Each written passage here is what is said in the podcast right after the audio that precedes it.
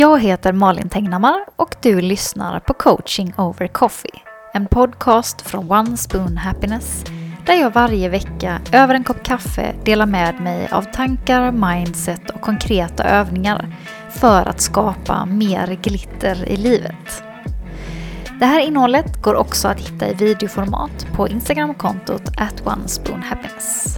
Nu till veckans avsnitt. Hallå!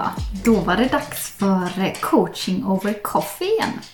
Där jag idag fått en väldigt eh, klurig fråga. Så det kommer bli mer av en eh, eh reflektion kanske än eh, svar. Eller man säger. Jag kan aldrig ge några specifika svar på hur någon ska göra. Ni har ju, sitter ju alltid på era egna svar. Men eh, det här handlar om återhämtning och hur man hur man gör det utan att det blir prestation av det hela.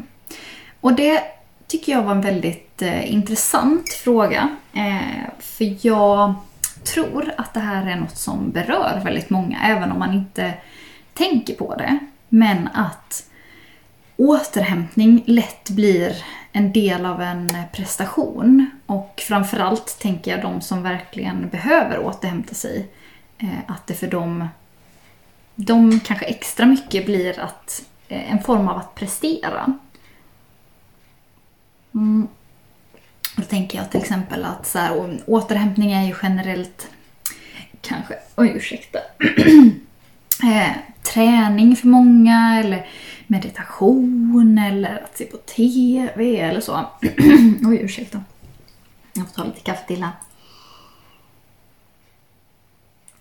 Men att man lätt då gör det till någonting som också ska vara en prestation. Att ska man meditera, då räcker det inte att meditera 10 minuter, en kvart, utan då ska man göra det en halvtimme och det ska vara på ett visst sätt. Och ska man träna så måste man träna jäkligt hårt och efter något visst program och man ska uppnå saker och, och sådär. Eller om man ska se på TV, då måste man se på något eh, vettigt eller så. Alltså det... Mm, en del har säkert inga problem med det här och Eh, andra har säkert ganska stora problem med det här, medvetet eller omedvetet.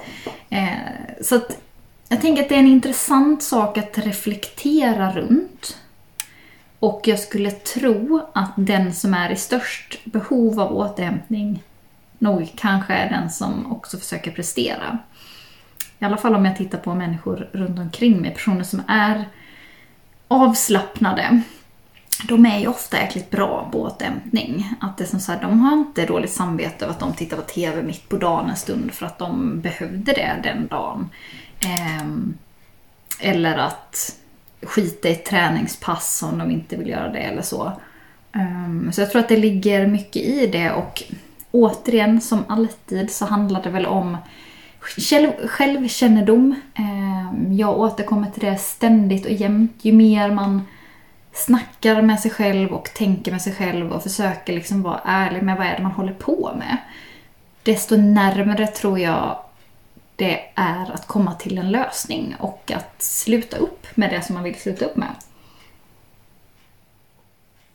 Med det inte sagt att det nödvändigtvis är enkelt. Men ehm, jag pratar ju jämt om mina morgonsidor men jag tycker att de är helt genialiska. Det här med att man ska skriva tre sidor varje morgon om blahi blaha och prata med sig själv. Gör man det så tenderar man att upptäcka såna här saker. Och resonerar man med sig själv om såna här saker så kommer man, tycker jag, ofta fram till saker. Det handlar ju om att lära känna sin egen röst på något sätt. Oavsett om man gör det i morgonsidor eller om man pratar i telefon med folk eller funderar högt eller i sitt huvud när man är ute och går. Men jag tror att vi behöver öva oss på att lyssna till vår egen röst som vet. Eh, och det... Eh, dels för att orka göra det så behöver man återhämtning. Men ja, då är man ju liksom tillbaka runt igen. Så här, hur återhämtar man sig utan att det blir en, en prestation i det hela? Um, och jag tror kanske att man kan behöva tvinga sig att göra saker som känns helt meningslösa. Man kan fråga någon annan.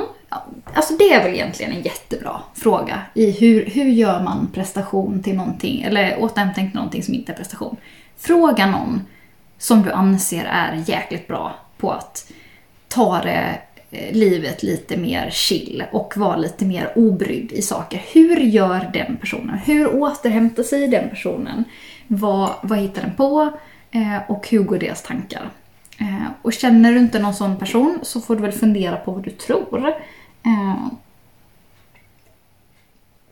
och sen, sen får du liksom försöka vara så ärlig som möjligt med dig själv. Det kanske handlar om att du behöver göra mer saker som är återhämtande. Och då kanske du till viss del behöver göra det till en prestation som i att så här, du har ett papper där du bockar av att du gör saker. Men öva dig på att inte behöva hålla någon kvalitet.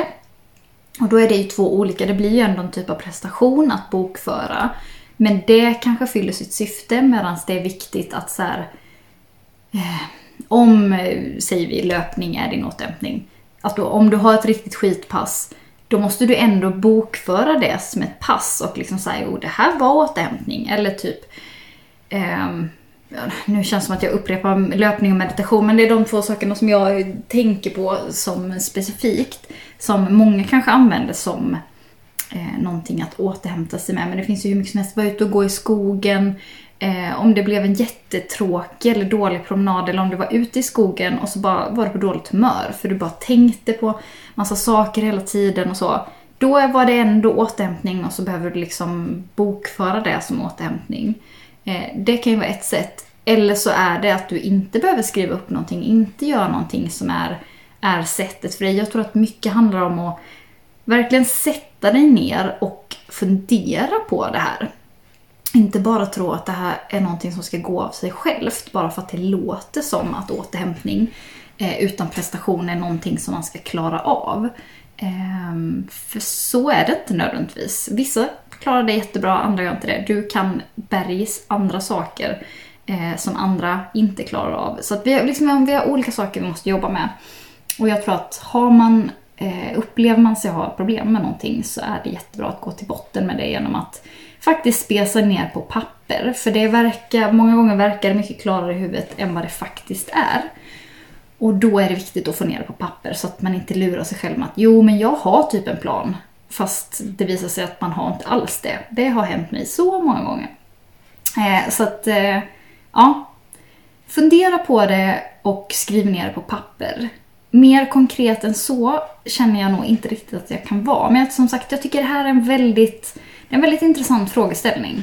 Och någonting som jag tycker att eh, fler nog borde jobba vidare med. Det är en intressant tanke. Så tusen tack för den frågan. Och eh, ja, det här är ett återkommande koncept som jag kör en gång i veckan.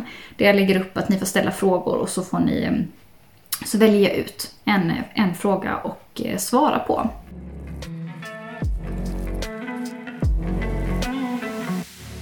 Det här var allt för den här veckan. Och tyckte du om innehållet i den här podcasten är min rekommendation att du går in på Instagram och följer mig på @onespoonhappiness för mer daglig inspiration. Vi ses igen nästa vecka.